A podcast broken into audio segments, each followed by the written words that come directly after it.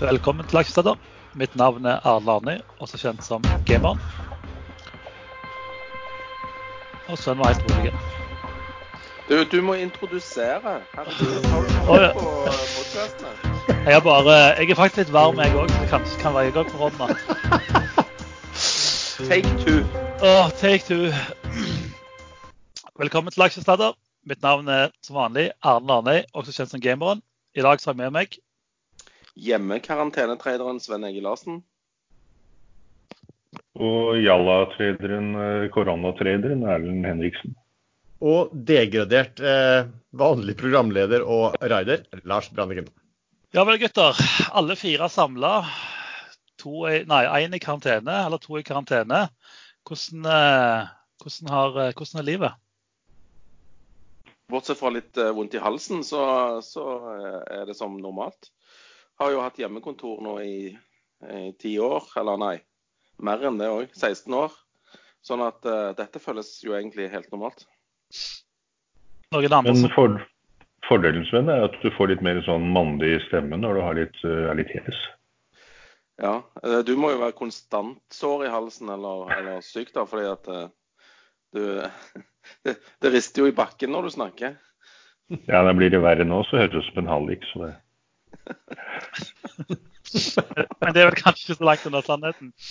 Men eh, før vi starter, Lars, den berømte disclaimeren må vi ha før, eh, før det blir gale her.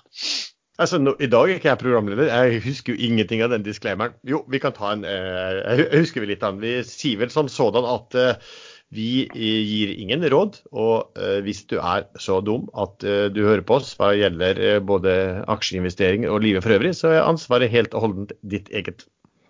Kan du ikke egentlig bare si at vi er totalt uansvarlige? Vil ikke det dekke alt? Ja, altså det, det var jo en, det er en liksom fin omskrivning for å si det. ikke sant? To, det fire, fire tullebukker og, og ikke hør på oss, liksom. Det- Dette er underholdning med litt børsinnhold, tenker jeg. Ja. Det er det. Bra. Eh, I dag, eller vi er jo i historisk tid. Eh, vi lever, lever i en pandemi. Eh, for de av oss som på en måte ikke er gamle som Erlend, så er jo det første gang, tror jeg. Eh, Erlend var, Erlend var jo med på den spanske syken i eh, var det eh, 18? 1918. 1918? 1918, ja. ja den, eh, den var litt slitsom. Men jeg er ikke så gammel at jeg var med på, på middelalderen hvor de stengte ned byer. Det er forrige gang det skjedde. Så det, det har jo vært en relativt eh, spenstig børsuke. Nå er det jo to uker siden vi var samla sist og prata om børs. Eh, hvordan har eh, porteføljene deres eh, oppført seg de siste, siste to ukene? Sven, kan vi begynne med deg, Sven? Eh, nei, de har steget, men eh, ikke så veldig Altså, jeg kunne jo gjort det bedre, føler jeg. Men eh, det, det er jo i sånne tider som dette her at traderen endelig har noe å gjøre på. Så jeg har jobba veldig eh, mye eh, og hatt det veldig travelt. Så, og kjent greit med penger. Eh, og egentlig ja, greit nok fornøyd. Det- Deg da, Erlend. Hvordan har, eh, er du ennå cash? Nei, jeg, eh, eh, jeg gikk jo um, mer eller mindre i cash i januar, da, da vi spilte inn andre episoden av Aksjesladder, og jeg hadde det som min sorte svane. Um, Jeg så jo tidlig hvilken vei det kunne gå. Um, Det, er ikke, det er ikke bare et vilt tips at det går galt når, eh, når de som kjører, modellerer sånne epidemier eh, allerede 16.1 fortalte at dette var eh, mer eller mindre umulig å stoppe en pandemi. Eh, Det kom til å bli smittet millioner, og det, det kommer til å gå utover økonomien. Men når du klarte å se det allerede da, så burde du bare satt en short og bare eh, reist på ferie. jeg, jeg har aldri shortet, jeg gjør ikke det. Nei, Og nå ser ser- ser i dag, jo jo. Men eh, hva er børsen opp nå? Eh, Til og med NAS, Norwegian, som ikke hjelpes av tiltakspakker fordi de har helt andre problemer, er opp 13% Det er jo helt vilt. Jo, men jeg, jeg tror kanskje du hadde vært i pluss hadde du, hadde du kjøpt den bjørnen der i, i januar. jeg hadde gjort det allerede i januar, ja kanskje i januar, men det hadde vært veldig minus før det. Så Ja, det tok jo fra jeg var ganske overbevist midten av januar, eh, og til Kina ble stengt ned i slutten av januar, så tok det fremdeles en hel måned før eh, børsen begynte å røre på seg her i Norge, nedover. Jeg skjønte ikke skikkelig hvor dette bar før i forrige uke. For da Nei. fikk du liksom se hvordan eh, andre land fulgte liksom Italia-kurven, eller Iran, eller Kina, eller eh, Sør-Korea. Og da skjønte jeg at oi, hele verden kommer jo til å gå til helsike her med, på dette viruset. Jeg, eh, jeg hørte pressekonferansen til britene i går, og de mente de lå fire uker, fire eller fem uker bak Italia i smittekurven. Så det blir ganske interessant å se. Altså, Tyskland og Frankrike ligger to uker bak, og vi ligger vel kanskje tre uker bak. Så det, det, de som tenker at uh, by the dip, de tror jeg er tidlig uke. Men Lars, du er så rolig i, i, på Notodden. Eh, Ja, hvordan, hvordan har det gått med deg? Hei på Notodden. Nei, med meg har det gått eh, strengt tatt bra. Jeg har eh, vært i veldig mye andel cash. eh, og det fine når markedet faller og du sitter i cash, så kan du vel egentlig tenke deg at du blir på en måte rikere. I hvert fall cashen din gir anledning til å kjøpe mer aksjer. Så har jeg gjort noen eh, har jo noen ting, og det er klart at de, de du allerede sitter med, det de, de vil jo falle. Så De vil du jo ta på. Og så har jeg vært inne og trada litt og prøvd å utnytte en del spesielle situasjoner. Um, og så har jeg egentlig sittet litt rolig. Jeg hadde faktisk en liten plan om å gå inn ganske tøft i dag. Det falt jo knallhardt i går, og, at, og, og det falt jo videre i USA eh, utover eh, kvelden. og hadde håpa at i dag skulle bli en ordentlig skrekkelig dag til. For da tenkte jeg at da er det sentralbanker og personer på toppen av presidenter og alt mulig som kommer til å få litt panikk og forlange at noe må gjøres. Så, så, så sånn sett syns jeg det er litt dumt at den børsen er opp eh, 7 i dag. Det hadde vært deilig hvis den kunne ligget ned en 3-4 i dag, og heller prøvd å gått inn og kjøpt en god del da. Men sånn er det jo, du, du treffer aldri helt eh, planen din, og, og plutselig så er, så, er planen din, eh, så er planen din blitt veldig dårlig likevel. Altså Her skjer det så mye fra hva skal du, time til time faktisk, med, med nyheter og enorme svingninger. Så vi får se. Altså, jeg, jeg er litt enig når du sier at ting skjer fort. Det er liksom, eh, Nå forventer vi at nå går det ned i tre dager, og så plutselig så er vi opp 10 og så er vi ned 5 og så er det circuit breaker, og så er det Nei, det, jeg kan skjønne at Sven har hatt det gøy på jobb denne uka, fordi eh, det er action å følge med på. Eh, vi har jo fått en del spørsmål òg, så vi, vi hopper litt på spørsmål og så diskuterer vi litt eh, tiltakspakker etter hvert. Eh, men første spørsmål er eh, en som lurer på om det er bearmarked eller om på vei over i HHH, hytte, hagle og hermetikk. Hva tenker du, Sven? Jeg eh, tenker at de som sitter i karantene, ikke bør dra på hytta. Det er vel det første jeg tenker. Eh, og det andre det er at eh, hagle har jeg ikke. Og hermetikk, det Nei, vi kjører ferskmat. Så du satser på bearmarked? Eh, Å ja, var det ett til spørsmål? Nei, det var om det var bærmarked eller om det var Vi er allerede gått inn i et bærmarked. Definisjonen er ned 20 fra toppen, og der er vi med god margin. Sånn at uh, ja, vi er nå i et bærmarked. Veldig enkelt å, å, å svare på. Hva tenker du, Erlend? Er det, er det utnytta bærmarked, eller er du på hytte, hagle og hermetikk? Nei, eh, jeg har forberedt meg greit nok hjemme, sånn at jeg kanskje slipper å gå på butikken, eh, gå på butikken eh, hvis det er veldig mange smittede en periode. Eh, Det synes jeg Jeg syns det er rart at man sier at man ikke skal Hamstring er greit, men dette har man visst ganske lenge at til å skje. Så kjøper litt mer hele tiden, så har man nok til å slippe å gå ut. Og sånn som Sven sitter nå i karantene, han har eh, sikkert mulighet for hjemmelevering. Det er det ikke alle som har. Det fins ikke kolonial.no i hele Norge. Eh, Det er ikke alle som har venner og familie.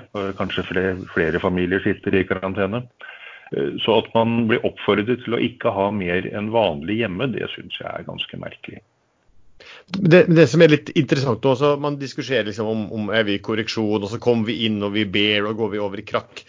Det egentlig den mest spennende, interessante diskusjonen her, det, det blir sånn at man ser i ettertid. Det er vel om er vi i, går vi inn i en global resesjon eller ikke. Det er vel egentlig spørsmålet. fordi at jeg ser bare at Vi hadde jo da uh, Pål Ringholm på besøk hos oss nå i Aksjesladder for en episode uh, som vi la ut for et par dager siden, som anbefales sterkt for de som vil uh, skjønne hva som foregår i rentemarkedene og på makrosiden. Men flere av de som er innenfor det, de, de, og som har sett litt tilbake, de sier vel at ok, går man inn i en resesjon, altså til negativ økonomisk vekst, så tror de børsen har en god del eh, nedside fortsatt. Og det er vel kanskje der vi er liksom, eh, mest interessant å tenke seg. Var var ikke Hermansrud òg ute i dag og sa det akkurat det du sa nå, at hvis, eh, hvis man går inn i en resesjon, så er dette dyrt? Altså børsen er dyr fortsatt? Ja, Han sa vel ikke dyr, men han sa vel i hvert fall at det, det, det er nok fort At du fort kan falle jeg vet ikke om du kan falle 15-20% til hvis det er en resesjon. Og nå mente han at det var over 50% sjanse for en resesjon. Altså Ofte i liksom resesjon så faller fort børsen 40% fra toppen. Mm. Men, men det er jo ikke, ingenting er jo skrevet i stein her, selvfølgelig. Nei. Men uh, ta det, det, som kan skje nå, i tillegg til et vanlig børmarked. Vanlig børmarked, da selger bedriftene litt mindre, og kunder bestiller litt mindre, og alt går på lavgir. De fleste bedrifter overlever det. Det som skjer nå med nedstenging, det er at veldig mange bedrifter vil gå konkurs. Uh, tiltakspakker med lavere arbeidsgiveravgift, eller til, tilsvarende, det, det, hjelper ikke, for man har null inntjening. Uh, arbeiderne Man kan ikke dra på byggeplasser lenger. Man får ikke kjøpt eh, byggevarer, for de er delvis ikke eh, fraktet til butikkene. Eh, det gjelder veldig mange bransjer, restauranter osv. Veldig mange småbutikker har ikke kapital til å holde hodet flytende over vannet og inntektene uteblir. Og da har vi ikke et vanlig bear-marked. Da har vi en situasjon hvor når aksjekursene vanligvis skulle snudd opp igjen, når, eh, når, dette går over, så har man ikke kunder lenger. Man har ikke etterspørsel, man har ikke produksjon. Det kommer i tillegg denne gangen. Og dette varer mer enn én en uke eller to uker. I Kina så man at det varte i Wuhan øh, syv uker, går på åttende uke nå, og nå først begynner de å slippe folk ut igjen. I Shanghai begynner de også nå først å slippe folk ut igjen. Så hva hvis veldig mye har gått konkurs før dette snur? Jeg så eh, I Kina så det er folk som har sittet 51 dager i karantene. Eh, og britene i går, altså det var jo en pressekonferanse i går, så snakket de jo om 12-16 uker. Så det er ganske Jeg tror dette er lenger enn på en måte den ene uka mange snakker om. Eh, jeg stiller et spørsmål òg. Vil dette bærmarkedet kunne sprekke gjeldsboblen i og med at Fed sprøyter mer penger enn i markedet og det fortsatt faller? Det ble vel svart av Pål Ringholm, ble det ikke det, Lars, i den forrige episoden? Jeg tror han svarte på akkurat det spørsmålet. Eller i, i, forhold til kan Fed trykke mer penger uten at eh, markedet går over ende? Ja, og det mente vel var en, eh, var en mulighet også. Men han, der, han begynte vel å trekke fram noe hva som ville fungere, og at uh, man så vel fortsatt at helikopteret kom med, med, med, penger og, og, begynte å fordele, fordele pengene rundt omkring på all, allmennheten. Ja, og det har vi vel egentlig sett òg. Det kom vel en liten pakke i går på 500, milliard, nei, 500 trilliarder eller milliarder eller et eller annet i USA. Ja, ikke sant? Ja, men det var jo det var i finansiering av bankene. Altså det, det, det, er i hvert fall de veldig opptatt av, og det ser du også Norges Bank i dag, det er å sørge for at, eh, at bankvesenet har, har, nok eh, likviditet, og at de også evner til å kunne, til å kunne, til å kunne låne ut. For her er akkurat sånn som, som Erlend er inne på her, at her, her gjelder det på en måte også støtte bedriftene og holde de eh, i, i live eh, gjennom dette her. Og så satser de da på at det er så mye oppdemma etterspørsel når man kommer ut derfra, at, at man kommer tilbake med noe helt Altså man har kjørt på masse stimuli og kommer tilbake på en helt enorm økonomisk vekst en, en kort periode når, når, man er på vei ut av det. Men uh, jeg har en litt sånn kjepphest. I nesten alle andre land, eller i hvert fall mange andre land, USA, også Sverige, har de noe som heter chapter 11. Det heter vel ikke det i Sverige, men det er en, en periode hvor man er konkursbeskyttet. Um, man blir ikke slått, Ingen kan gå til skifteretten og slå det konkurs hvis man selv søker om chapter 11-beskyttelse før noen gjør det. Eh, da blir alt stilt i bero. Kreditorer kan ikke kreve penger. Eh, bankene kan ikke kreve tilbake lån. Eh, det er en dommer som skal avgjøre om man finner en felles omforent løsning med alle kreditorer. Og I en sånn periode så ville da staten kunne lage tiltakspakker som også redder småbedrifter. For så vidt også store bedrifter. Så hvorfor i alle dager kommer ikke Norge med chapter 11-løsning for Norge nå? Det er nå vi trenger det. Regjeringen har vel sagt at eh, det som kommer i dag er fase 1, og at de ser på fase 2. Men uh, vi har ikke nevnt noe sånt. da. Nei, noen burde hviske dem i øret at det, er det, det ville hjulpet. Det er det eneste som hjelper ordentlig. Det vil bare å si Erna og Sanner hvis dere hører på aksjesladder. Her har dere løsningen. Enkelt og greit. Så da spørsmål eh, som egentlig passer ganske bra. Eh, hvordan går det med bankene, sparebankene, prosjektbankene og forbruksbankene? Så det er jo fem spørsmål i ett. Men eh, bankene får jo tilført kapital nå, så vi i går. Eh, Sanner var ute og sa ikke øk utbytter eller bonuser i dag. Men hva tenker dere om de ulike bankene? Skal vi begynne med Sven, som eh, har litt dårlig hals? Nei, hva skjer med bankene? De eh, kan risikere å tape penger på, på lånene sine. Eh, men det er veldig viktig at de holder hjulene i gang og gir støtte til de bedriftene som sliter med likviditeten. Og, og gir de sånne bridge loans eller brolån, sånn at de klarer å overleve. Og gjerne til en snill rente. Ellers så er jeg litt uenig med Sanner, da, som sier at ikke banken bør eh, dele ut mer utbytte. Jeg syns jo at bankene bør dele ut det de kan til oss eh, bankaksjonærer. For å redde banken eller for å redde kontoen din? jeg tenkte jo mest på meg sjøl, ja. ja. Det skal jeg ha. Ja, det skal du ha, ja. Men hva, hva, tenker dere om, hva tenker dere om forbudsbankene, da? Eh, Erlend og Lars. Det har jo vært eh, et lite fall der, kan man si? Um, jeg er jo gammel bankmann, så jeg uh, har jo kommet jo fra en bankfamilie. Så jeg har sett ganske mye på bankene altså sånn generelt sett i det siste. Bare sånn hvordan bankene nå prises. altså DNB og de store um, sparebankene prises nå på prisbok på 0,8. Vi hadde jo en helt sånn syk eh, åpningsauksjon i DNB den ene dagen her, hvor den altså ble handla på 100 eh, i åpningen. Eh, halvparten, eller svært mange inne på ekstrainvestor. Alle hylte og hadde, hadde, ikke fått med seg det i, i, farten. Noen hadde gjort det og tjent voldsomt på det, for den hoppa vel opp da 15% på, på noen minutter. Og det var også virkelig sånn stor volum på det. Altså DNB skal faktisk har jo eh, vedtatt utbytte som skal betales nå, eh, ja, det kommer vel i april, tror jeg, på 9 kroner per aksje. Så det er altså 80% utbytte. Og, og, og, DNB også er jo så at de er også mindre eksponert mot energi. Altså, de siste fem årene så har gradvis eksponeringen deres mot energi, altså olje og de som er oljerelatert, blitt, blitt mindre og mindre. Og så er det en litt sånn kul sak å tenke på når det gjelder altså sparebankene. Sparebankene, vi har vært litt gjennom det før, men de er jo bygd opp, altså de har to typer egenkapital. De har den eh, altså egenkapitalbevisene, da, som det er de du handler på børsen. Og så har du noe som heter grunnfondskapital, som er en slags sånn eierløs egenkapital. Hvis sparebankene går med underskudd, så skal underskuddet først dekkes av den, denne grunnfondsbeviskapitalen. Det er ganske interessant hvis du går på en kjempesmell ett år. Det som da skjer, er at eh, grunnfondsbeviskapitalen må dekke alt. Og prosentandelen, altså andelen som da etter hvert vil gå til de som sitter og eier disse egenkapitalbevisene som man eier i, på, på, børsen, vil øke. Så det er jo også litt sånn spesielt. Ellers så ser jeg kjapt på, på disse forbruksbankene. Det er jo at dårlige tider, det, det, de er, måte, det, er jo de dårligste långiverne som de har spesialisert seg på og har kjempemarginer på.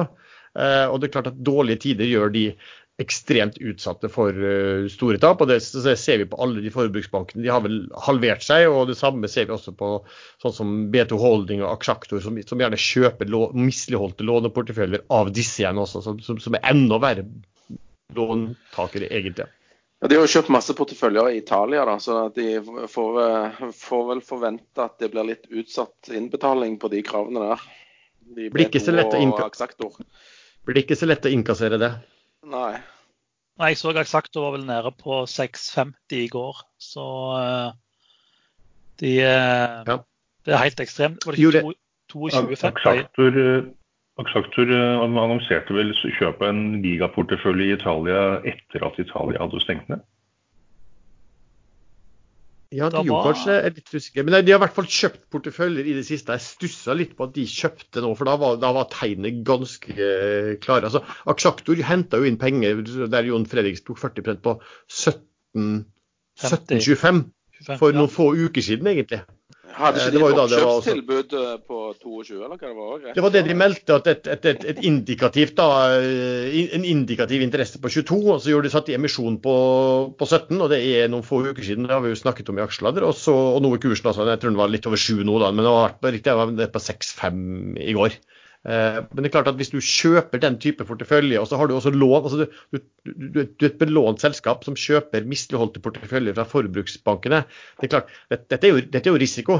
Eh, og det er klart at hvis da hva skal vi si, økonomisk veksten snur kraftig ned, og, og, og det blir vanskelig rett og slett å, å, å få innkassert disse beløpene, så er det klart at de er jo da atskillig mer risikoutsatt enn hva de allerede var. Ja, nei, jeg tror de, jeg tror de har, en, har, en, utfordring. Skal vi se eh... du, jeg, jeg, vil bare nevne, jeg kan bare nevne én ting med bank da, som er interessant. Det er at det er jo greit, interessant å følge med på innsidekjøp. da. DNB har det vært veldig mye innsidekjøp. Eh, I andre banker, altså alle disse forbrukslånsbankene og Aksjaktor og BT Holding, der har vi egentlig ikke sett noe innsidekjøp i det hele tatt, eller i hvert fall svært lite. Og Det er jo en liksom, indikasjon. Det er, også. det er greit å, greit å, se på hva de som faktisk har innsyn i låneboken, gjør. Ja, så du, så, kort til DNB. Hva med det potensielle kravet for islandske hvitvaskingsgreiene? Kan det komme nå? Jeg tror ikke det betyr så mye kroner og øre lenger. fordi at eh, det blir overskygga av eh, koronautviklingen. Eh, altså, de kan få en ripe i lakken, men jeg tror ikke det får så store følger.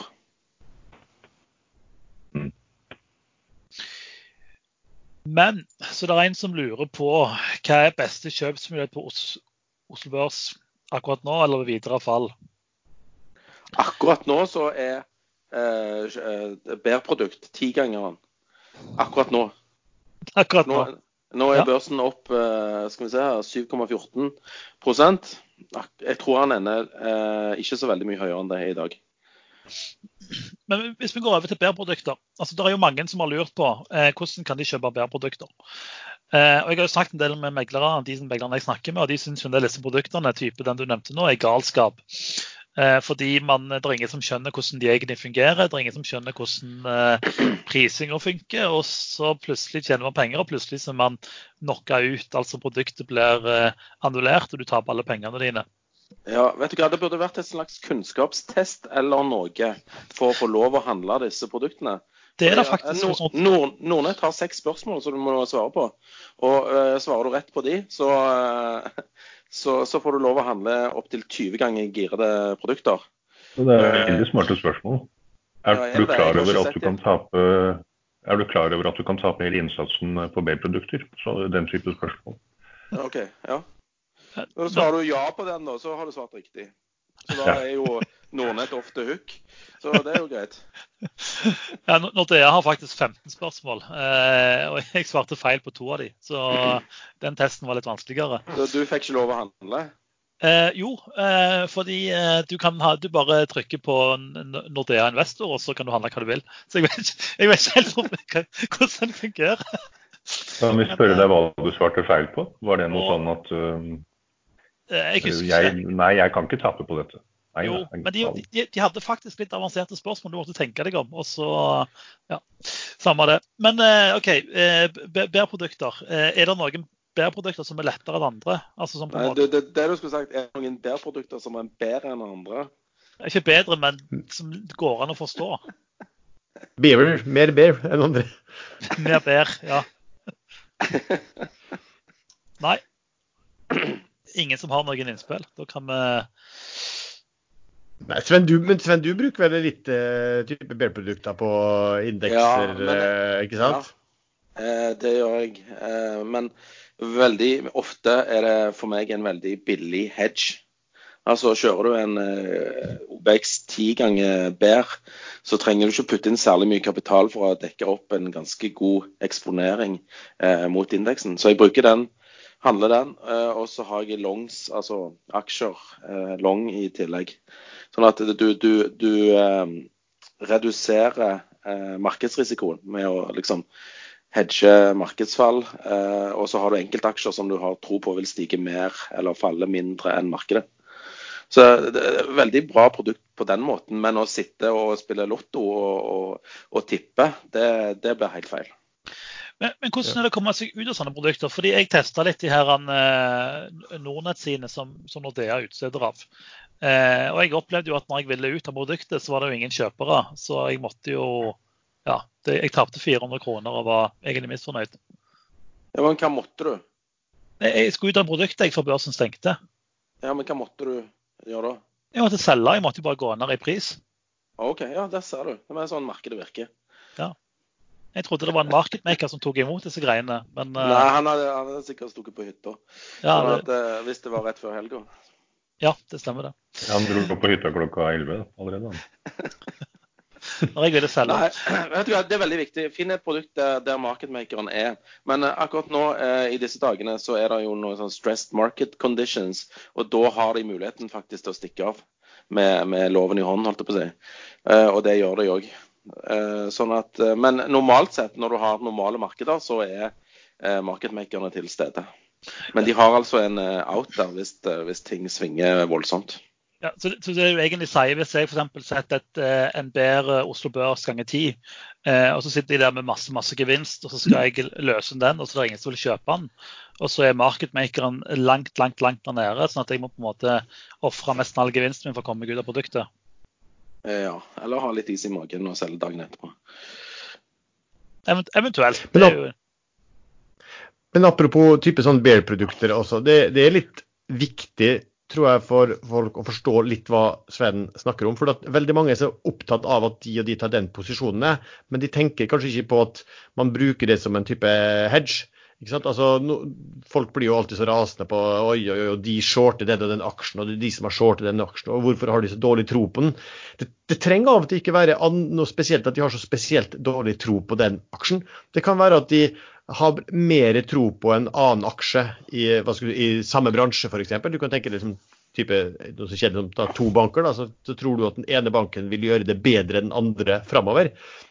Og så vil du ikke egentlig ikke ta noe markedsrisiko på det, så da kan du også kjøpe, gå long da i den, den bankaksjen du tror vil gjøre det bedre enn andre, og så går du short i den andre. Altså du, egentlig, du, du spiller på forskjellen i utviklingen mellom to ulike papirer, da, enn en, enn- enn at du bryr deg spesielt mye om hvor markedet som sådan går. Så det, så det, og det er jo veldig veldig vanlig brukt uh, av profesjonelle investorer.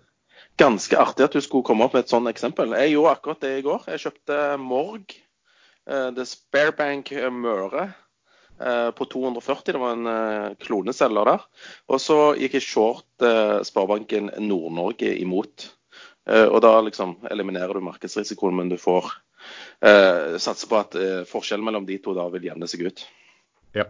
Du Funker tror. Nord-Norge Nord Ja, et, et, etter vi hadde han Ringholm på, på besøk, så ble jeg eh, veldig bekymra for den landsdelen der. Fordi, fordi han var fra Nord-Norge, mente du?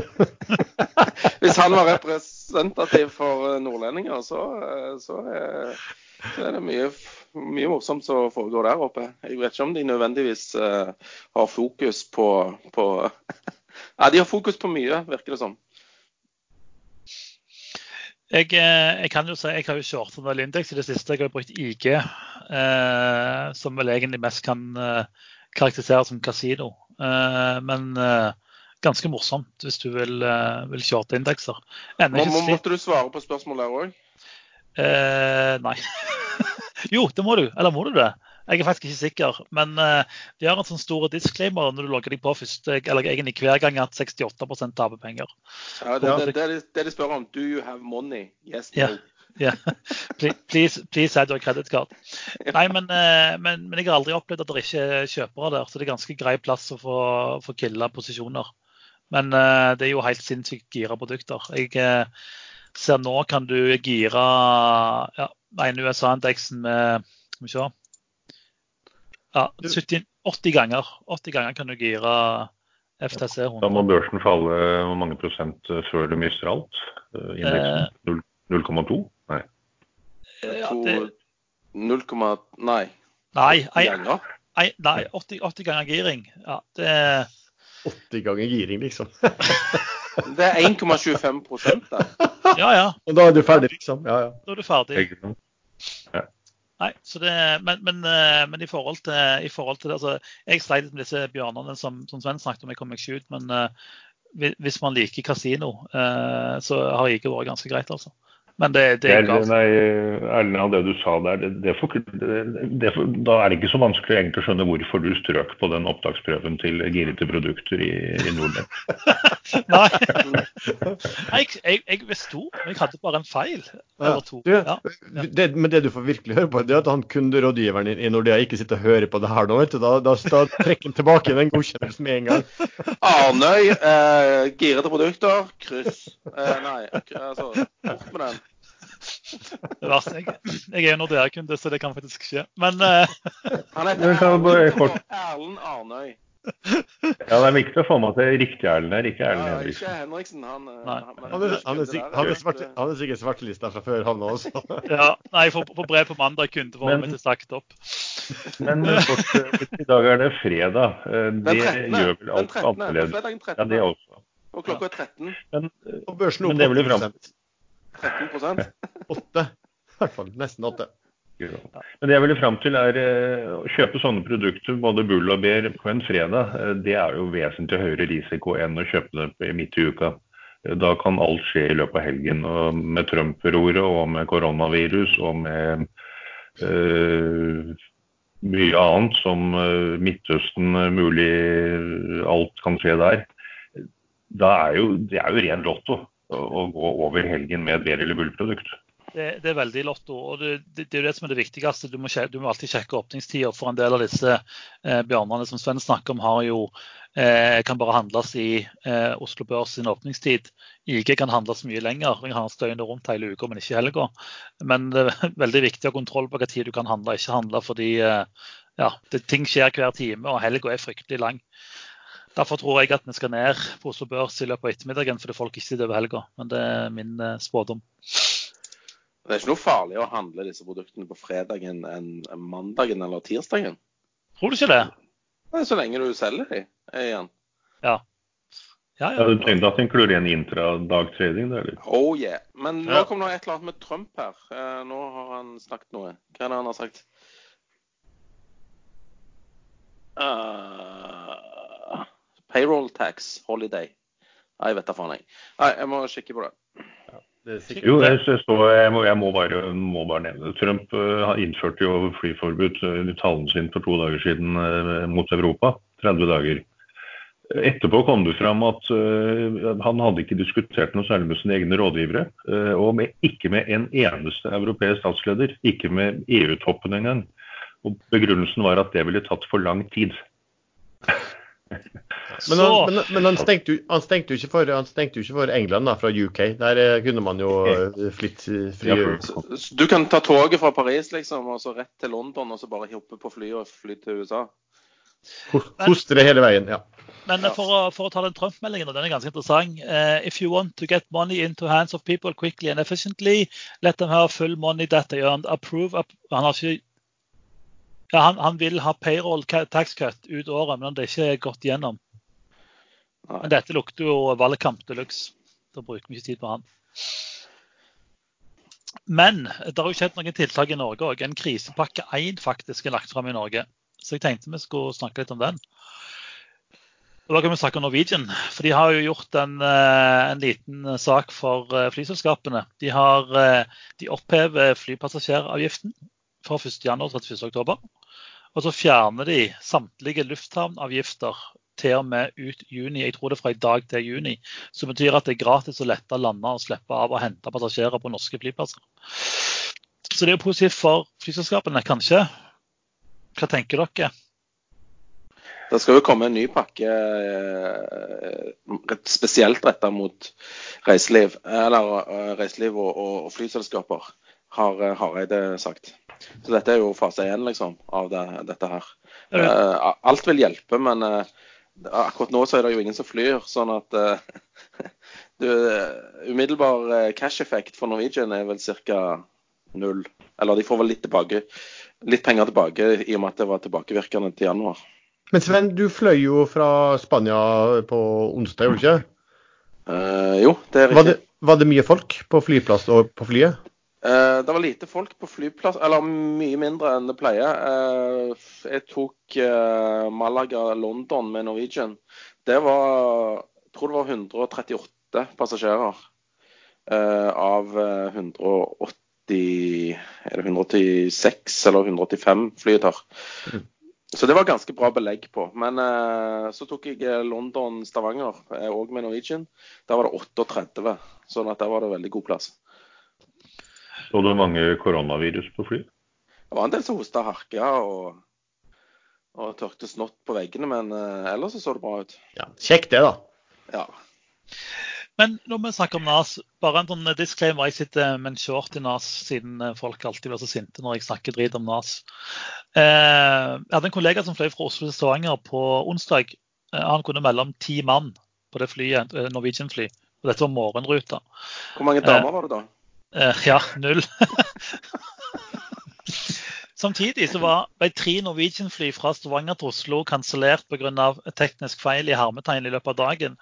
Men Norwegian har vært ute og sagt at de har solgt to tredjedeler av alle billettene i mars. Så jeg føler liksom at de har eh, Det er noe som ikke stemmer her. Eller hva tenker dere? Jo, men det er så billige billetter. Folk kjøper fordi de regner med at kanskje jeg drar, kanskje jeg ikke drar. Og så lar det være å dra, det, og nå kan de ikke dra. Nei, så de kan godt ha solgt to tredjedeler av billettene i mars, men det de ikke sa noe om, var jo hvor mye de hadde solgt for april og mai og juni. Og det er, det er, jo, det, det er jo, nesten kriminelt å ikke nevne framover når de prøver å få mars til å se positivt ut. Du skal si noe, Sven? Men, men en annen ting med, NAS de, Nå sparer de da penger på å ikke lande fly som allikevel ikke flyr. Um, men problemet for NAS er jo at de må ha inntekter for å opprettholde, eller for ikke komme brudd med lånebetingelsene. Eh, og Forrige gang vi snakket om dette, så det, kom det fram at det var 12% reduksjon i kabinfaktoren, som var nok til at NAS kom til å komme i brudd med lånebetingelsene. Og Det er jo helt klart at det har slått inn nå. Eh, og I tillegg så krever utenlandske hoteller at NAS betaler på forskudd. Eh, de får ikke kreditt lenger når de fly, flyansatte bor der. Nå er det jo ikke så mange som eh, flyr lenger, men NAS er jo teknisk konkurs nå. Så hvorfor kursen er på 68, det er jo ganske uforståelig. Ja, så HSBC, HSBC kommer med en uh, oppdatering nå i går vel, hvor de kutta kursmålet fra 30 kroner til 50 øre på Norwegian. Men så var det noen norske, da, tror vel Arctic og jeg husker ikke hvem ellers var, som også kom med noe. Og de hadde vel kursmål sånn rundt dagens, var, jeg tror, på Arctic hadde kursmål på 7 kroner eller sånt. Ja. Så de, alle, alle, de har jo nedjustert noe vanvittig kursmål ettersom det, dette her har slått inn. Ja, Norwegian skal jo ha pressekonferanse senere i dag, så jeg er spent på hva de, hva de sier der. Men uh, jeg syns det er litt rart når de sier de har solgt så, så, mye billetter, og så ser man at flyene er nesten tomme. Men det er nok som Erlend sier, at folk bare møter ikke opp, og så kansellerer de flygninger i løpet av dagen når du ikke flyr ene veien. Men det kan umulig se bra ut på båndlinja deres for øyeblikket. Uh, men men det er jo noen gode nyheter oppi alt det her uh, driten som skjer nå. Det er jo uh, Softox. Har jo vært heftig diskutert på Ekstrainvestor denne uka. Uh, Førstemann anbefalte det tidlig siste uke. Og jeg vet jo at noen av dere har sådd i den aksjen og gjort noen OK trader. Tenker du kan begynne, Arlen, siden Sven ja, jeg ble litt sånn tilfeldig. Det selskapet de, de, produserer jo en håndkrem. Um, tilsvarende antibac, men den er helt alkoholfri. Antibac har uh, ca. 70 alkoholinnhold. Og i USA har de forsket på dette, her, og der er det av 18,8 millioner brukere, eller hva det var, så er det ca. 70% over 13 millioner eh, helsearbeidere, som har problemer med Eh, desinfeksjonsmidler, hånd, håndrens, som inneholder, inneholder, alkohol. Man får tørre hender av det. Jeg har brukt det nå i tre dager selv og har allerede eh, sånne irriterte hender. Eh, så det er et problem. Dette, hva heter selve produktet? Des Softox To sekunder her. Despacito. Nei, det er Safedes.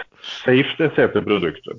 Dette selskapet de, de, har jo vært på børs en stund. De er på Merkur Markets. Ehm, de ble tatt på børs på 33 kroner, kjørte en emisjon i desember på 25 kroner og skal være fullfinansierte. Det starter opp en produksjonslinje i Norge. Det ble børsmeldt i forrige uke. At den skulle være klar om eh, fire til seks uker. Så det vil si best case så er det tre uker til de kan produsere. og en som hadde sendt dem en mail, har fått greie på at de skal produsere 5000 flasker om dagen på den produksjonslinjen.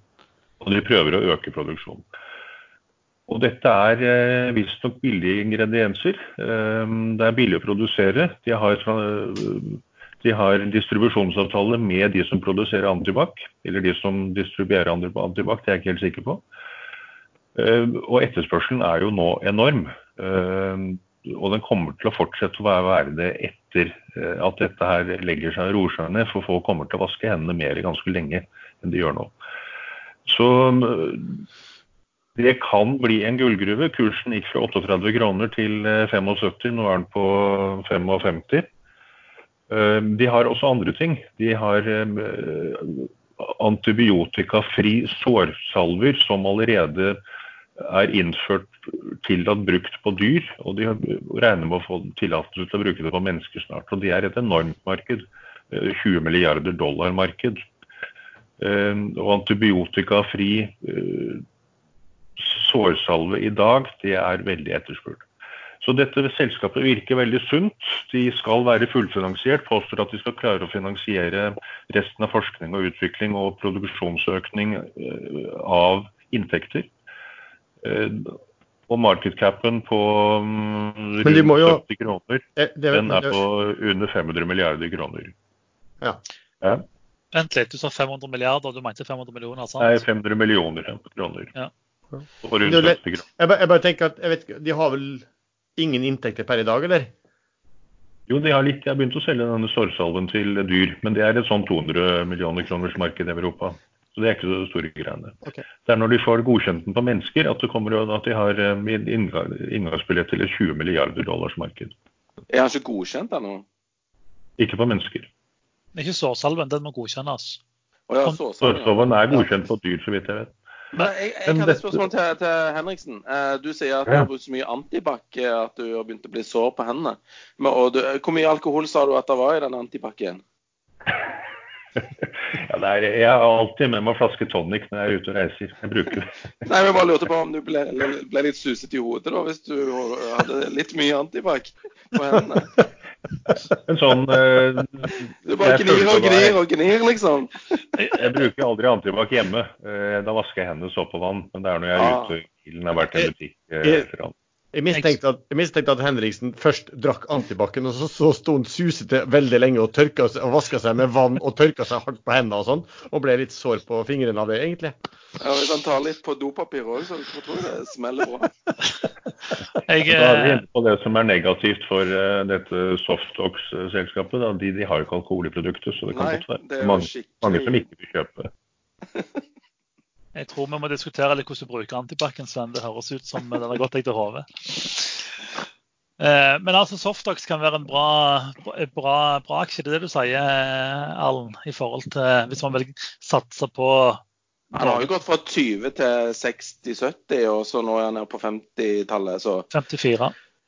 54,5 faktisk. Men uh... Det konkurrent i Sverige som eh, produserer et tilsvarende middel. Uh, men de er ikke godkjent ennå. De har ikke fått dette norske selskapet de har fått uh, tysk laboratoriebekreftelse på at det dreper alle typer virus. Virus, Også den typen som uh, Antibac ikke tar. Uh, hentai eller hantai eller et eller annet virus, husker ikke.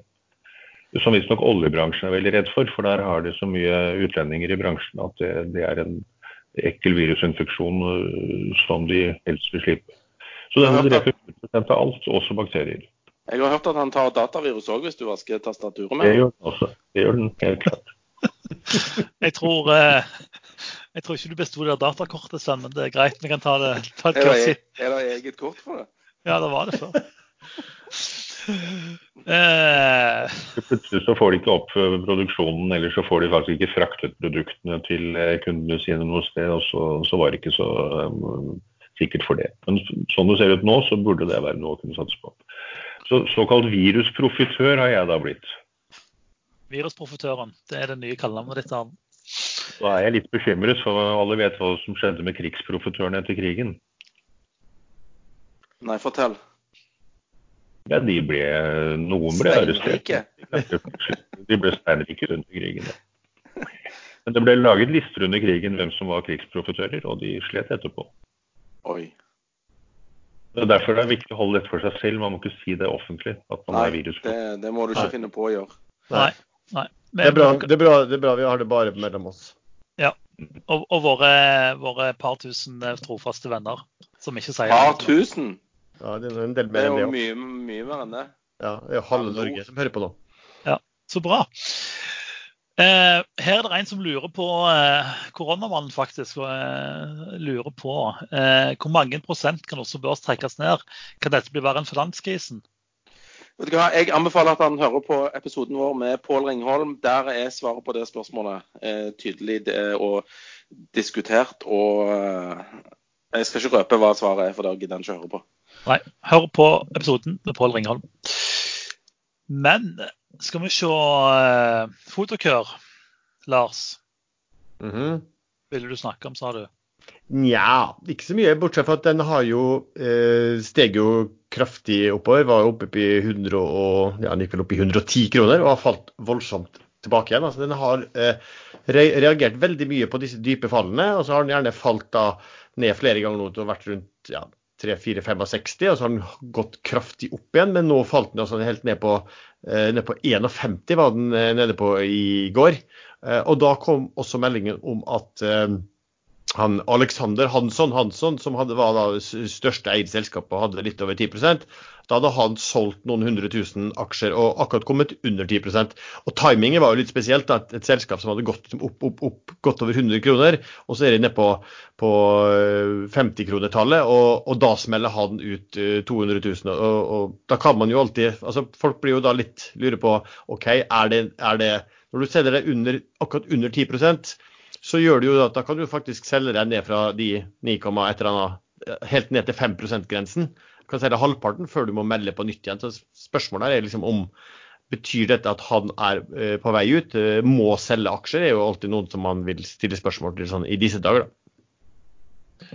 Så han eh, kan du føye til på listen over de som var milliardærer snart? Ja, de har vel tapt ganske mye. Sven, har ikke du sett litt på den Hansson-familien? Altså I disse natt... Eh, hva heter de? Nordic eh, den Tankers-selskapet. I hvert fall faren er sjef for borte i USA, så har de vel han og faren i investeringsselskapet sitt mye der. Så man vet jo aldri hva. Og den har vel hatt en, ja, over litt tid i hvert fall litt dårligere utvikling. Har du, har du sett på det, Sven, eller? Nordic American Tankers? Mm. Uh, nei, jeg har ikke sett på den. Men det er bra, bra tikker, da. Natt. God natt. Ja. God natt. Ja, men, men, ja. men fotokur er jo da, bare så det er sagt, det er jo en type Jeg har snakket litt om hvilke aksjer man skal se på, og kanskje se på de som blir tatt med av fallet, men som kanskje har eh, ikke rammes på inntjeningen sin eh, i det hele tatt eh, i løpet av de neste tolv månedene. Og, og Fotokur er vel kanskje en sånn uh, aksje som, som, som, som, er i fin vekst i USA, og, og, og som har, har, sitt område som, og der man ikke skulle tro at de kanskje rammes nevneverdig av hva som foregår uh, nå. Men da har jeg et lite spørsmål. Hvorfor venter Hanssons uh, med å selge etter kursen har gått fra 30 til 120 og ned til 50 igjen? Hvorfor selger de nå? Er det fordi at de kanskje må? Det er mitt spørsmål. Ja, det er jo det, ikke sant? det, det alle stiller spørsmålet på også. og eh, Jeg, jeg syns liksom ikke Fotokur i dag har fått den type opptur som, som, de har fått de andre gangene når det har falt mye. og det er kanskje, kanskje er det fordi det ligger en større aktør og selger.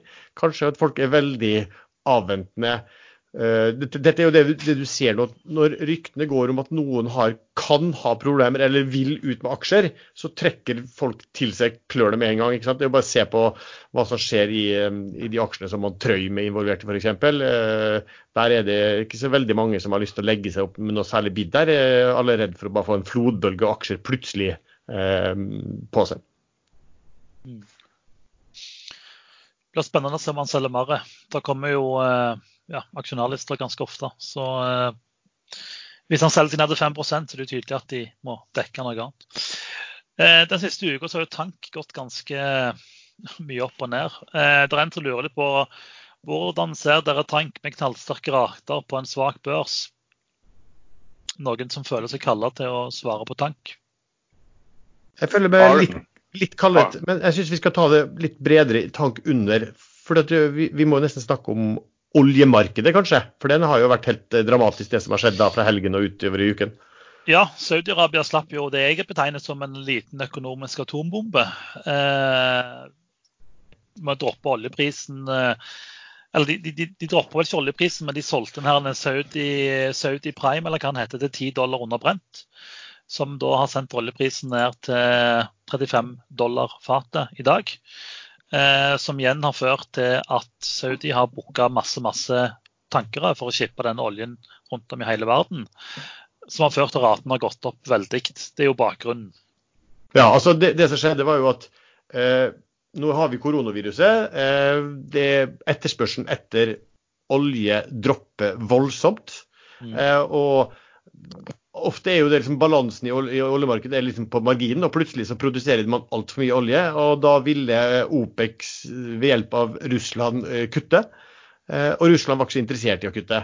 Og Da ble det ingen avtale, og da sier eh, Saudi-Arabia at OK, da skrur vi på kranene, da pumper vi opp ekstra mye, og da, og da smelles prisen kraftig ned også, ikke sant. Uh, og, og, ja, de tar vel fra lageret. Det var vel det var vel noe som klarte å påvise at eh, de, de klarer ikke å øke produksjonen så mye, så de henter ut fra lagrene sine. Vel, de sier nå i hvert fall at de skal kunne nå øke fra 9, noen ting til 12 millioner fat, altså 2 millioner fat eh, per dag. Og så så dere Emiratene skulle vel gå fra 4 til 5 millioner. Hvis, de, hvis, hvis det virkelig skjer, eh, så ja, har du, har du, oljepriser deretter. Og det er jo noen som har spekulert i at oljeprisen kan komme ned på, på 20-tallet. Eh, nå ganske kortsiktig. Det, det ser, men det ser, der, der ser du jo på alle oljeselskapene at de har hatt Unnskyld, Erlend. Da har vi protokollført det nå at jeg har sagt at oljeprisen skal til under 20 dollar. Det er notert. Fredag 13. Det var ikke jeg som sa det, jeg sa at noen har sagt det. Jeg... Ja, men jeg, jeg, sier at jeg sier det. Under 20. Ja, det var, det var, en, nisse, det var en nisse på CNBC som enten kunne gå til 3 dollar, så Hva kaller du ham? Nisse? Ja, nisse nisse som sa at han kunne gå til tre dollar. Men jeg tror han var nisse, altså. Tre dollar. Liksom. Når vi, når vi snakker oljepris eh, Nordnett har jo mye sånne bull- og bærprodukter. Eh, og 9. mars, altså den dagen eh, Det var vel mandag, var det ikke det? Eh, jo. Saudi, Saudi, kom med nyhetene på lørdagen, sånn at uh, det stemmer at olja gikk. Og åpningsauksjonen òg var på mandagen, så det var ja. det, det er stimt.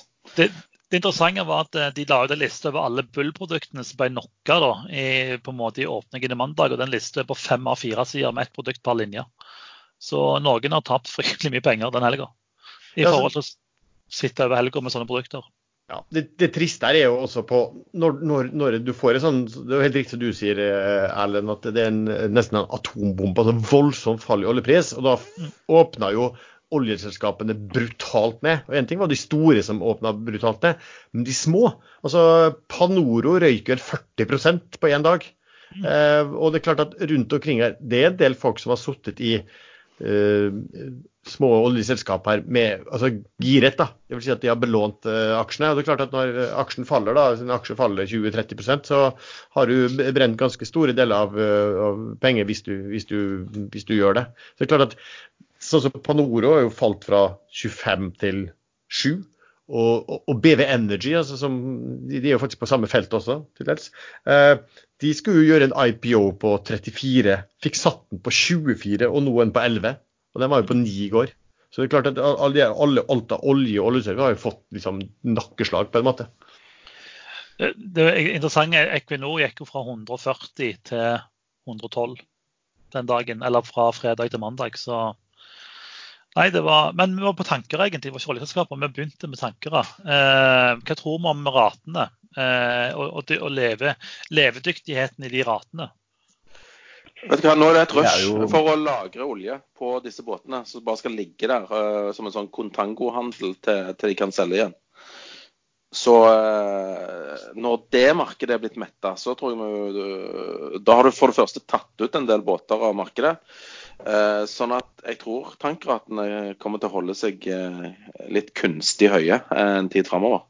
Ja, for Contango, da er det altså at, at framtidsprisen på olje er betydelig høyere, eller hva? Du, eller det, det, er lønnsomt? Ja, det, det, ja, det er lønnsomt for deg. Kjøpe olje nå, lagre den fysisk på en båt ja. uh, med, alle de med alle de kostnadene det medfører, og allikevel kunne selge oljen uh, garantert frem i tid og tjene penger på den traden.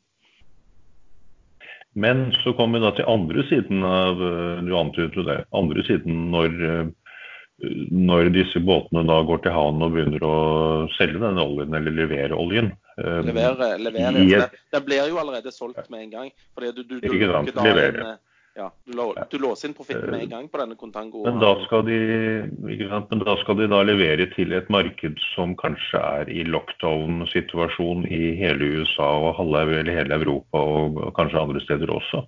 eh, Hvor produksjonen har eh, blitt redusert kraftig eller stoppet helt opp. Hvem skal da, hvem skal da kjøpe olje etterpå? Hva skjer da med tankprisene? Men altså, det- tank er jo alltid eh, kjemperisiko.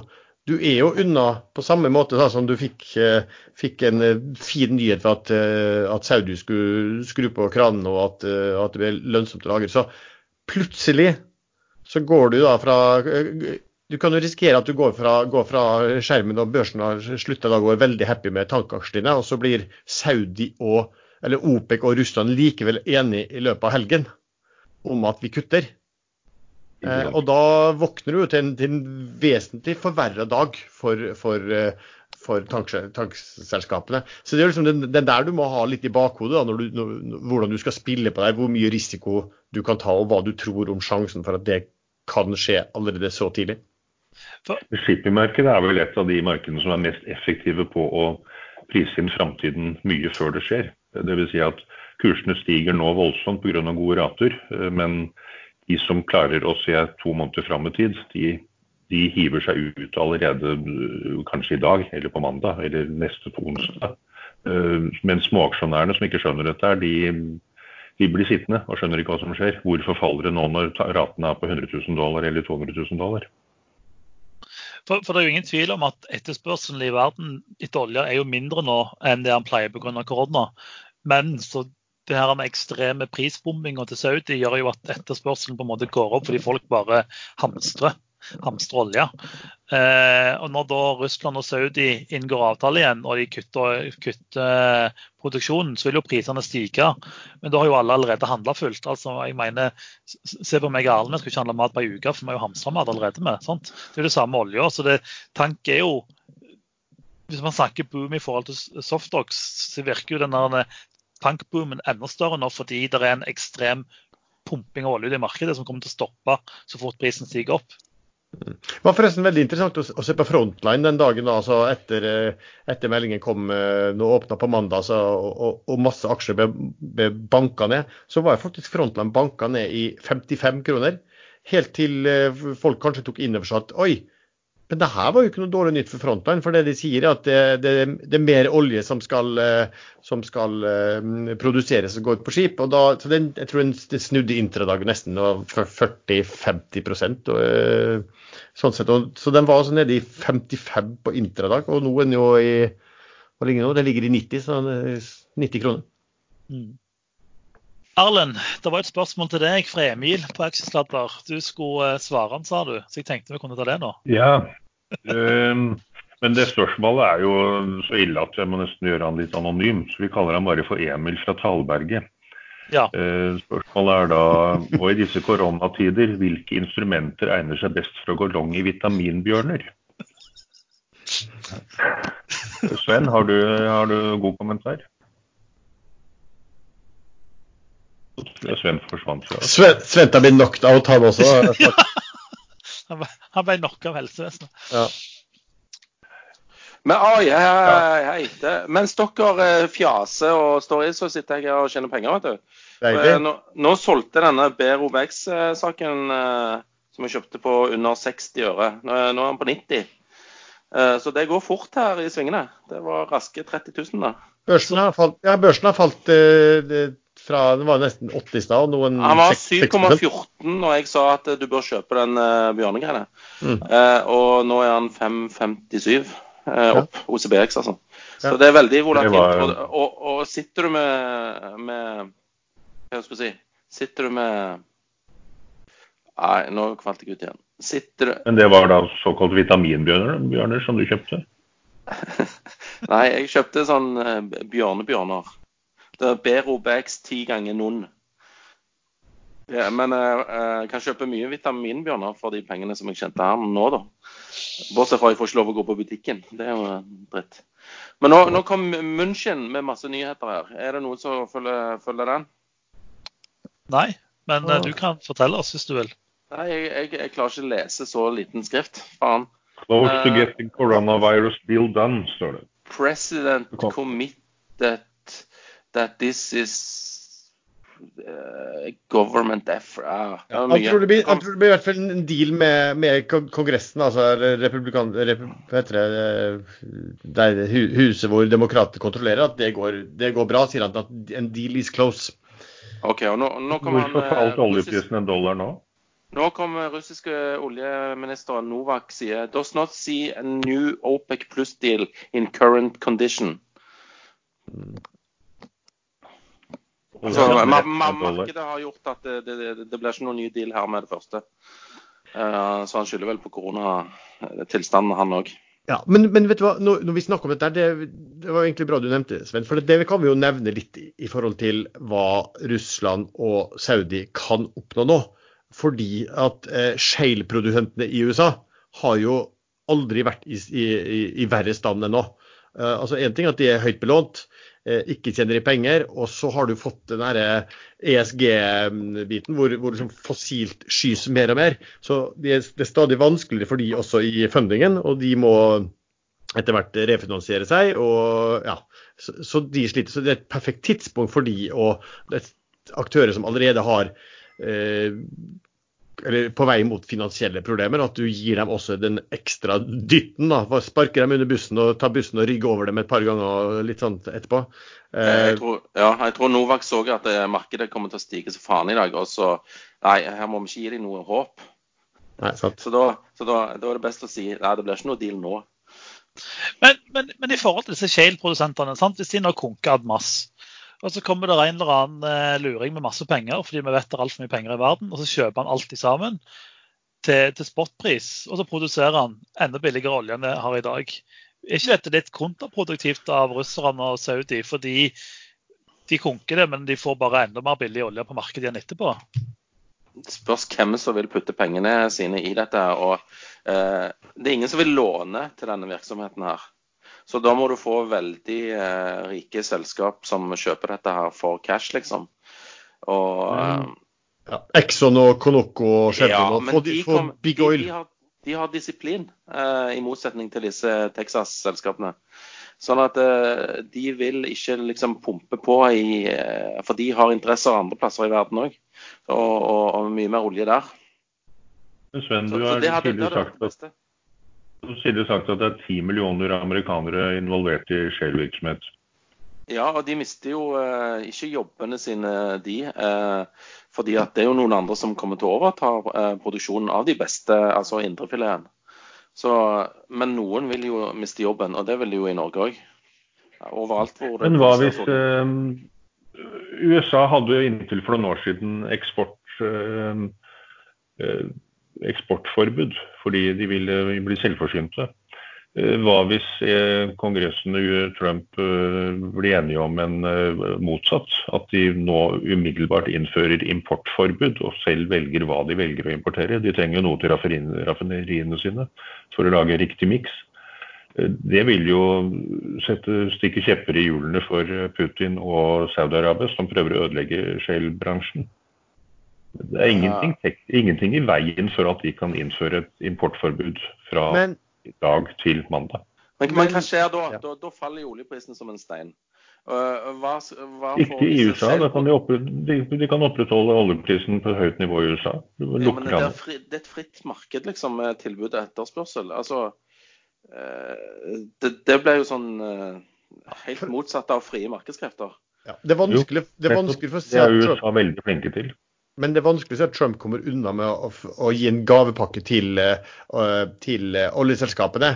Uh, og så, altså Man er jo så opptatt av bensinpriser i USA, ikke sant? Og så, og så skal han ut i valgkamp hvor det kommer til å stå fra det andre partiet og, på, og hamre på at det årsaken til at dere må betale så og så mye, det er fordi at uh, Trump er bestevenn med, med, med Big Oil. ikke sant? Jeg tror det der er veldig vanskelig å gjøre. Altså, Du kan, kan sikkert gjøre en del ting, men, men at da blir, blir prisen må bli liksom lik hva den er på verdensmarkedet for øvrig. Og så, ja, og så er det vel litt Da sånn har den ligget der, og så skal jeg om to episoder kan jeg si hva var det jeg sa. Ja, det kan du jo si. Eh, hva heter han for han raringen? Han McNunin eller noe sånt? Uh, uten Munchin. breaking news nå på siden. Munchin, er det det heter? Ja. Eh, Det minner om han uh, München-syndromet. Eh, han som lyver hele, hvor at man ljuger hele tiden. Baron von. Münchhausen. Baron von Ja, Münchhausen. Nå sier han at koronavirus Sellof er en kjempemulighet til å gå for long-investorer dersom 87-krasjet, 1987-krasjet. Det er kanskje litt tidlig å si. Men vet du hva, nå skal jeg, eh, apropos eh, sånn tips. Eh, jeg tar ukens tips allerede nå. Eh, mitt tips er at hele aksjemarkedet bånder den dagen USA vedtar lockdown, på samme måte som de gjorde i Norge. Ikke før. Så du tror eh, lockdown i USA det definerer bånden? Eh, Det er jo ikke bånden på den økonomiske utviklingen, men da ser du i hvert fall eh, eh, hva som kommer til å skje framover. Og da kan du trekke, parallell, da kan du trekke paralleller til det som har skjedd i Europa og, og, og Korea. Og hvor lang tid det eventuelt vil ta før, og hvor mange som kommer til å bli syke og stryke med osv. Hvor, eh, hvor lang tid tror vi det er før den lockdownen kommer? Innen to uker. Mm. Jeg tror det er fare for det også. fordi at, jeg vet ikke om dere fikk med dere den uttalelsen i går fra Ohio. Jo, Eh, jeg så det. der var det jo, og jeg lurer på om den ene av de var republikaner også. Det var ikke bare noen demokrater. I hvert fall, de var i hvert fall ute og sa at de hadde vel gjort ut fra det de så i enkelte communities, sa de vel i Ohio, så anslo de at ca. 1% av befolkningen der var smittet. Eh, og det var da ca. 100 000. altså det er vel, Jeg vet ikke om det er 10-11-12 millioner som bor der, men de antok, at de allerede hadde 100 000 smittede der. Så man snakker jo om at det er noen helt enorme mørketall da, i, i USA. Mørketall er det helt garantert. Jeg klarte å google meg fram til den uh, offisielle amerikanske eh, hjemmesiden fra CDC, uh, CDC Government, uh, som viser hvor mange som er faktisk testet. Um, det var eh, Skal vi se. Dette er jo helt vilt. 10. i tredje, tre dager siden. Det var, cirka, det var et par dager etter at Trump sa at nå skulle du teste med mange millioner. Da ble det testet 350 personer i USA. Mm. Foreløpig i den 11., det er den siste dagen de har tall fra, da ble det testet fem personer. Så de sliter med testingen sin. Eh, De har ikke fått ordentlig i gang. Men jeg er også enig med, ja. Men jeg er enig med Sven også sjøl i forhold til timing. Det er utrolig vanskelig å time. Men, men det er nok litt sånn at når det går enda hardere inn over amerikanske investorer, at her får vi en ordentlig smekk på, på økonomisk vekst, og at vi kommer til å være i en resesjon i en eller annen, et eller annet gitt tidsrom. Eh, Det er kanskje da man og, og, liksom alt ser svart ut der, det er kanskje da man skal kjøpe. Men for all del, det kan være at bunnen var i går slutten også. Vi vet ikke. Så, siden Sven allerede har begynt på tips, og folk eh, klager på at det ikke er nok tips, hva, utenom, utenom vitaminbjørner og, og, og sånt, hva, hva bør man kjøpe? Hva har dere kjøpt? Hva vurderer dere å kjøpe? Skal hoppe rett på Erlend, siden Sven allerede har sagt han vil gjøre. Nei, det eneste jeg ser nå som øh, øh, Jeg tror dette er et søkersmarked, og jeg er litt redd for at denne varer et par-tre dager, for nå settes det i gang sånne tiltak. Eh, Men øh, det, er, øh, det kommer til å bli veldig mye verre med antall smittede og lockdown før dette er ferdig, så jeg tror aksjemarkedet skal- snu ned igjen. Og hvis dette søkersrally varer i mer enn i dag, så kommer veldig mange til å blø. Nå er det mange som har gått inn igjen og giret opp, for nå tror de det skal opp. Og Da blir det riktig ille for mange nå. Så vær heller forsiktig. Gå heller glipp av en oppgang enn å bli hva, heter, hva kaller du det, Sven? Bli varpet ut, eller Knocked out. Erlend? Knocked out, ja. Du Lars, er det noe du ser på som attraktivt?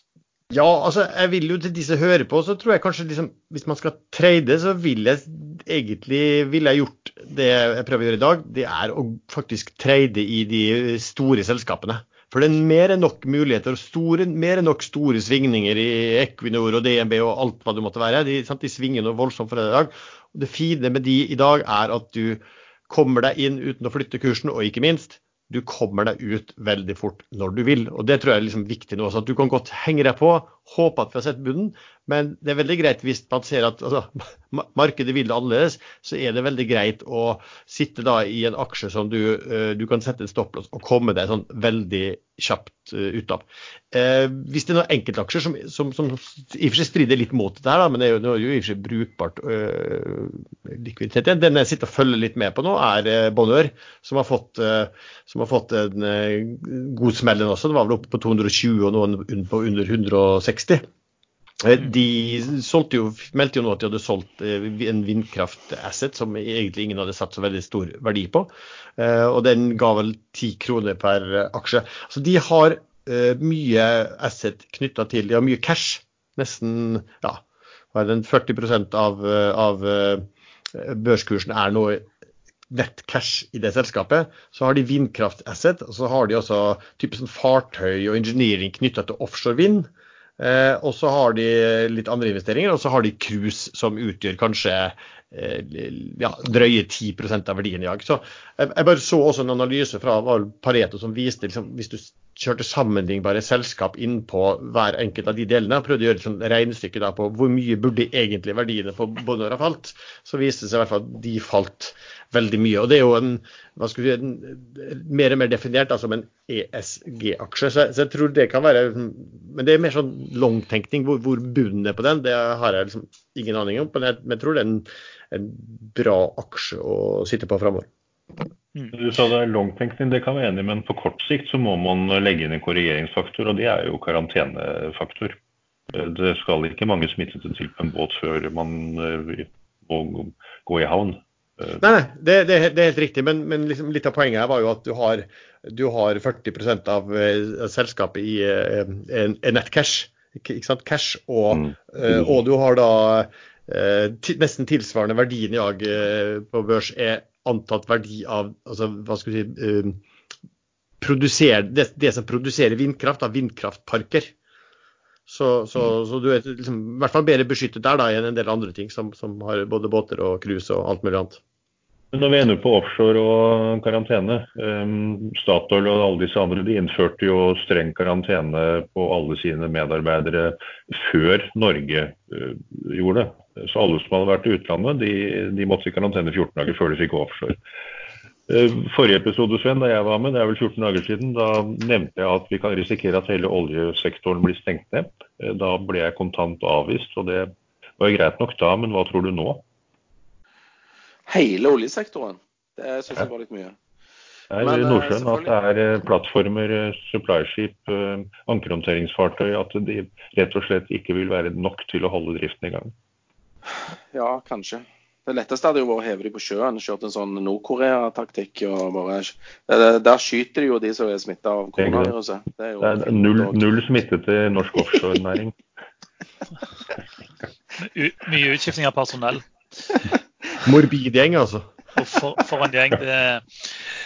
Nei, jeg kan, eh, jeg kan, komme med altså jeg, jeg, har jo sagt mye om gaming. Eh, og gamingsektoren har jo falt ganske mye. Eh, og de har jo òg innført hjemmekontortiltak. Eh, Nei, gamingbransjen innført hjemmekontor. Det er jo den verste bransjen.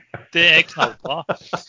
Men, men produk produksjonen er jo på en måte lik om du sitter hjemme eller på jobb. Eh, og man ser jo fra Kina at konsumeringa av dataspill har gått opp ganske dramatisk. fordi hva gjør du når du sitter hjemme? Eh, jo, du ser på TV eller du spiller dataspill. Eh, så veldig mye Snakk for deg sjøl. ja, det, du må bare begynne å spille du òg, så er det gøy å sitte hjemme likevel. Eh, så veldig mye av disse selskapene har jo blitt billige uten at det på en måte har fått eh, innhogg i omsetninga. Eh, så hvis man tenker long og på en måte ikke er redd for at det faller 10-20 til, så er det mye, mye attraktivt. Men personlig så holder jeg litt tilbake med å kjøpe ennå, for jeg tror det kan bli enda billigere når det, når det knekker, knekker, mer. Jeg tror det er... Tencent, er det sikkert at det budet står nå? Budet står ennå. Eh, fristen for å akseptere budet er i dag klokka fire. Eh, nei, ikke, nei, ikke det over helgen? Jo, beklager. Mandag, ja. Mandag 16.25 tror jeg er ja, ja. budet. Så den ligger jo i 1680, så hvis du tror på budet, så kan du få 20 øre der. Eh, som sikkert er bra avkastning i dag. Men jeg tror, altså tingen er at Funcom er en fis i havet for Tencent. altså Det, det er småpenger, det er vekslepenger for dem. Så jeg blir veldig overrasket hvis det budet ikke går, eh, går igjennom. Eh, eller at de stopper det. Jeg er ikke helt enig i begrunnelsen, for det er faktisk fis i havet som hives ut med en gang når store selskap skal konsolidere og forberede seg på en annen fremtid. Ja. ja. Men det er litt forskjell når de har lagt et bud på en offentlig børs. tror jeg, sånn sett. Altså, da tror jeg liksom det, det, er noen ting med, med renommé også. Og så kan man jo lure på eh, eh, med det budet som man har fått, eh, og, og hvor, hvordan alle sammenlignbare selskap har falt veldig kraftig den siste perioden, da, så eh, må jo det budet skulle man jo tro at det er mer og mer og mer og mer fristende å akseptere. Ja, det, jeg, jeg vil påstå at bud i dagens marked nå er veldig attraktivt. Eh, men det er noen sånne force major-greier i tilbudsdokumentene som eh, jeg så i går. Men eh, jeg blir veldig overrasket hvis det faller, fordi de tenker langsiktig.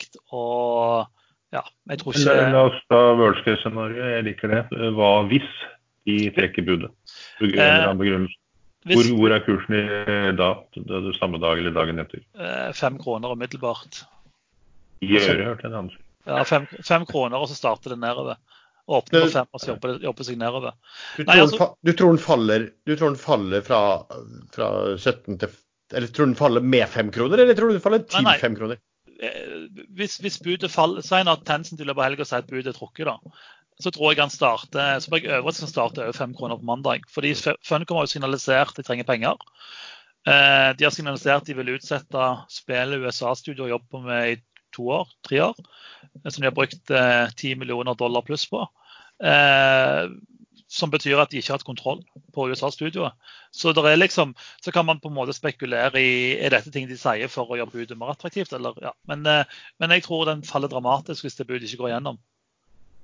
Så selv om det er på en måte 20, 20 øre premie på å kjøpe Funcom i dag og godta budet på mandag, så er det jo en ganske stor risiko hvis budet faller. Men jeg tviler. Hvis budet faller, så er jo ikke fem kroner noen grense. Hvor skal de hente penger fra? Hvem skal gå inn med penger i et eh, sånt selskap i dag? Nei, det er, akkurat det. Men uh, faller han til fem kroner, så er jo verdien plutselig 300 millioner, 350 millioner.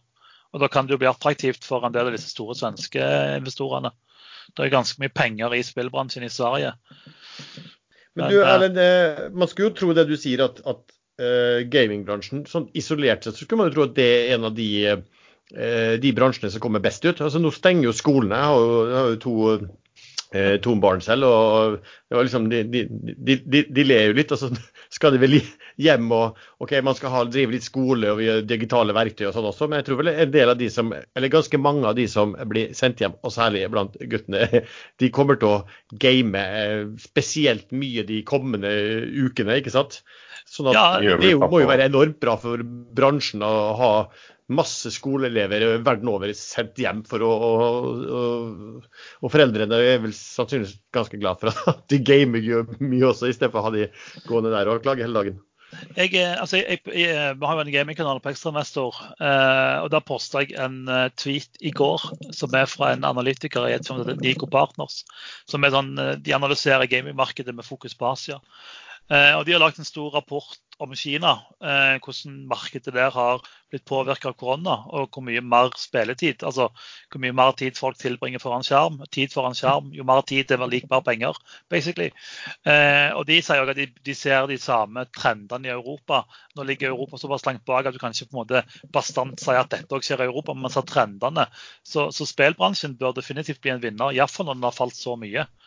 Eh, en del av de aksjene som vi har pratet om tidligere, har jo falt ganske mye uten at eh, verken inntjening eller noe sånt faller. Så jeg, eh, jeg, følger veldig med på spillbransjen de neste ukene og månedene. Fordi jeg tror det er mye penger å hente der.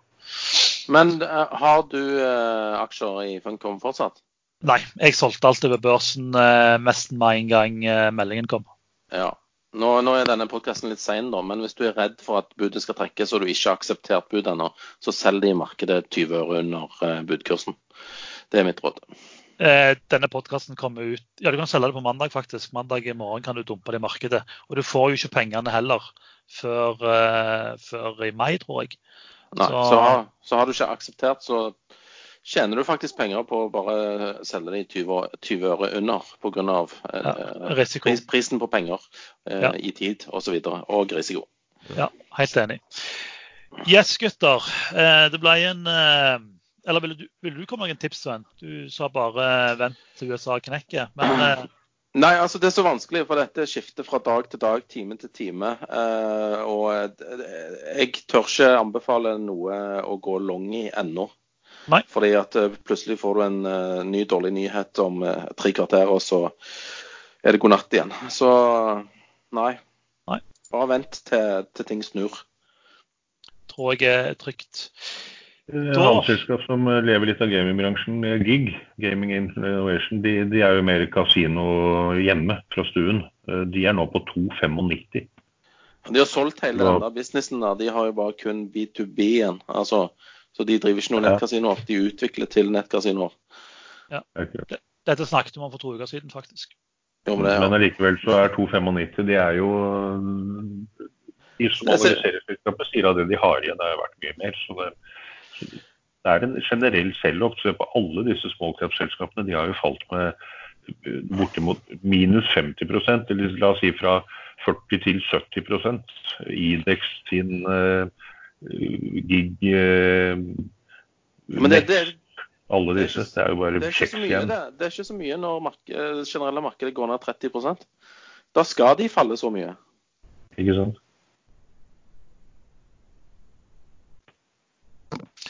Yes. Da har vi brukt en time og 20 minutter. Uh, Iallfall det vi har spilt inn. Sikkert la oss klippe vekk halvparten. Uh, noe mer vi burde snakke om, eller er vi fornøyde? Ja, jeg vil bare komme med en uforbeholden unnskyldning overfor nordlendinger. Eh, Det som jeg sa tidlig i sendingen, er ikke representativt for mitt grunnsyn når det gjelder nordlendinger. Det er jo det samme du sa til meg et par uker siden i en privat eh, setting. da. Jeg er født i Tromsø, jeg er født i Tromsø, så jeg tar det her ganske ille opp, eh, Sven. Og ikke, det blir ikke klipp, klippa bort heller. Det blir, Ja, du, var, du var her ennå, du, ja. Jeg har en litt god nyhet til deg, gamle far. Ja, Nei, nei, det er ikke du så gammel. Er det. Du er gammel bankmann. I hvert fall gammel, skal Ja. du si. Men eh, Molde kommer sikkert til å gjøre, gjøre det bra i årets eliteserie hvis den noen gang kommer i, i gang. For eh, Viking og Sandnes Ulf er blitt satt i karantene. De var jo på treningsleir i Spania, så nå er de, nå er de hjemme og har hjemmetrening. Uff, det var jo de vi har fryktet så veldig mye. Ja, ikke Sandnes Ulf, men eh, Viking, tenkte jeg på. Det er jo regjerende cupmester, hvis du ikke har fått det med deg. Nei, jeg fikk ikke med det. Nei. I alle Liverpool-fans der ute, det, serien blir jo Premier League blir vel eh, avsluttet før tiden. Vil Ja, jeg- da vinne eller blir det avblåst? jeg, har, jeg har en liten eh, vits på akkurat den der. Jeg er jo Liverpool-fan sjøl, da. Men allikevel. Uh, og Liverpool har 18 seriemesterskap, sånn at stillingen blir da covid-19, Liverpool 18. Hvor, hvor, hvor lenge har du tenkt på den vitsen, Sven? Nei, jeg, jeg har rappa den fra noen på Twitter. OK. Eh, jeg tror vi gir oss. Eh, for de som ikke har fått nok av deg, Sven, kan man treffe deg på noen sosiale medier? Nei, jeg har dessverre karantene, så jeg er ikke tilgjengelig verken på sosiale medier eller in real life. Så hvis noen vil følge deg og lakseprisene dine, så er det ingen plasser å følge deg. Nei, de kan jo søke meg opp, da, hvis de gidder. På, på Twitter slash Ja. Er det ikke det det? Twitter slash Solaco. Hvis du absolutt eh, vil, eh, vil nevne det, så er det det, ja. Ja, så bra. Lars, finnes du på sosiale medier? Jeg finnes, jeg finnes jo alltid på, på Ekstrainvestor, selvfølgelig. Ja. Og så, så finnes jeg vel litt på Facebook, for da har vi en, en gruppe som heter Børsforum med en, ja, 14 000 eller hva det nå er som er der. Og der er det også stor aktivitet. Så det er fint der. Og er man inne på Ekstrainvestor, så er bare å sende en primatmelding hvis det er noe spesielt. Bare hyggelig, det. Erlend, finnes du på sosiale medier, eller er det for moderne? Nei, jeg, jeg er bare på ekstrainvestor. Ja. Litt på Facebook selvfølgelig, men det kom oppdateringer fra Norwegian nå. NAS. Norwegian stiger to the government's tax cut. Further measures with immediate liquidity effect are crucial. Åh, den shorten. ja. Beklager, beklager, shorten min stiger. Ja, Erlend, snakk du. Husk, Sven. ja nei, de er positive, men uh,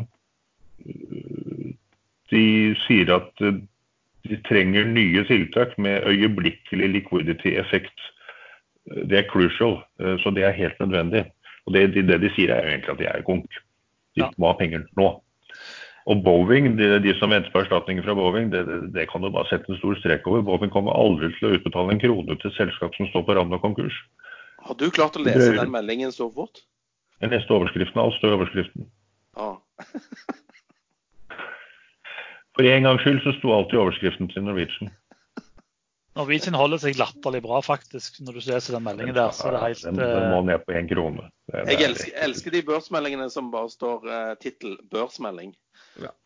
Immediate liquidity effect are crucial. Ja. Measures with immediate liquidity effect are crucial. Så det, så det hjelper ikke dem å få liksom, gode pakker på det som går på framtiden. De trenger, de trenger kontanter nå, skriker de. Nå snakker vi om tre milliarder kroner, tenker jeg, som de må ha nå.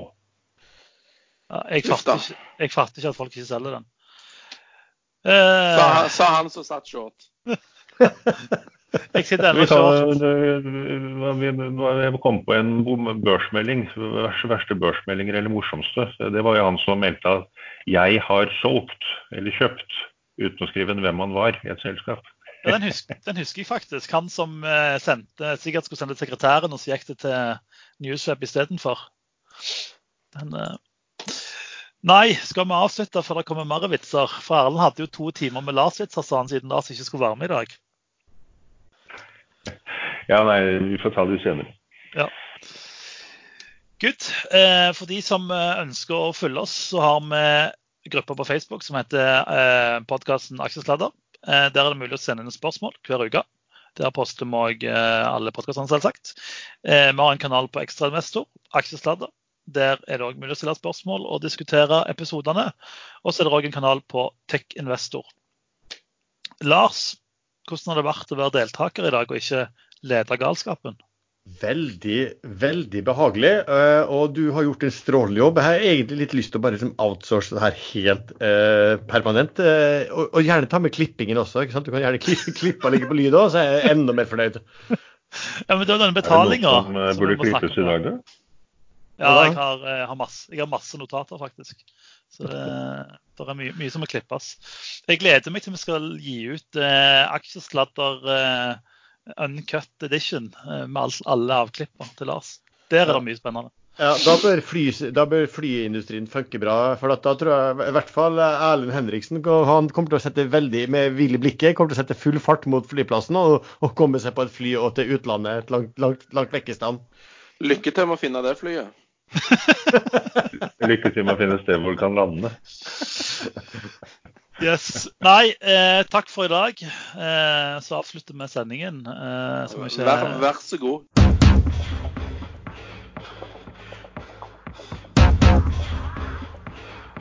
Sånn. Men nå har alle fått høre de der vitsene. Du må, bli flinkere. Du må, du må bli flinkere på sånne ting man skal si når andre sier noe. Du kan ikke si 'vær så god' når man sier 'tusen takk'. Hæ? Eller, denne, denne vitsen din som du har snakket om i hele uka, som du skulle ta med Lars ikke var, den vil jeg høre. Han bare det er ikke noe Lars heller. Nei, men Lars har gått. Nei, Lars har ikke gått, det. det sladder. Men nå er batteriet snart tomt på det øregreiene mine. Hørte dere den uh, interne meldingen jeg fikk på øret i stad? To ganger? Nei. Battery low? Mm. Har, du fått, har du fått en sånn Apple Watch igjen nå, sånn at uh, pust og reis deg? Jeg trodde det var sånn melding, trodde det var sånn melding så, Å, jeg hørte jeg hørte noe. Jeg trodde det var sånn melding som sa liksom at volumet på høreapparatet ditt var litt low. Etter, men jeg vil ikke si eller, noe. Eller, eller litt høyt. Ja. Nå hørte jeg ikke hva du sa, Lars.